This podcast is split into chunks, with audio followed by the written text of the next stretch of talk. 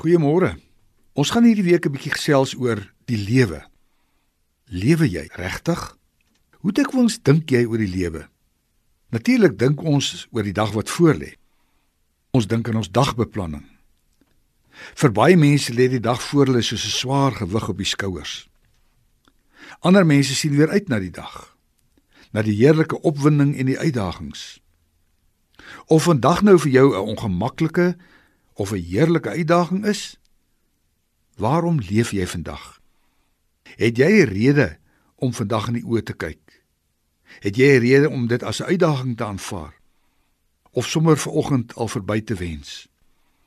Jou antwoord op die vraag gaan afhang of jy die lewe verstaan. Kom ons praat vanmôre 'n bietjie oor waar kom lewe vandaan? Die Bybel sê in Genesis 1 vir ons, dit klink nogal poëties. God het lewe geskep. Dit vertel dat God alles gemaak het. Hy was tevrede met sy handewerk, sê die skrywer. Die skrywer maak 'n opvallende onderskeid tussen alle lewende organismes soos diere, plante en voëls en dan die mens. Die mens sê die skrywer, skep God uit die stof van die aarde. En hy blaas sy asem, lewe in die mens se neusgate. En dan kry die mens opdragte oor die skepping. Net God se aardeverbonde mens met God se skepingsasem kry lewensopdragte. Met plante en voëls en ander organismes gebeur die lewe spontaan. Hulle is geprogrammeer om te kan lewe.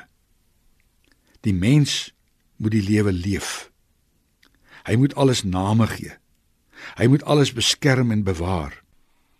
Met die mens het God 'n spesiale plan. Dit is asof God, die groot skepingskunstenaar, nie 'n skildery maak nie, maar 'n inkleurprent. Ons met ons lewe moet God se inkleurprent kunstig voltooi. Soos die pragtige inkleurbrieke wat selfs groot mense deesdae koop en inkleur. Iemand wat lewe so verstaan, leef die lewe. Dit maak nie saak wat jou omstandighede is nie. Of jy vandag nou jonk en vol lewenskrag is, en of jy al ouer geword het. Iemand wat die uitdagings van ouer word ervaar en ken. Jy lewe die lewe wat God aan jou gegee het. Jy is aardemens, maar met die asem wat hy in jou neus geblaas het. Gaan leef vandag, want lewe behoort aan hom. Vandag is nog 'n geleentheid om jou skepingsopdrag te gaan leef.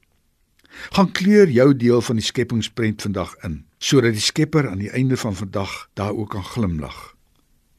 Leef hierdie dag. Gaan leef regtig.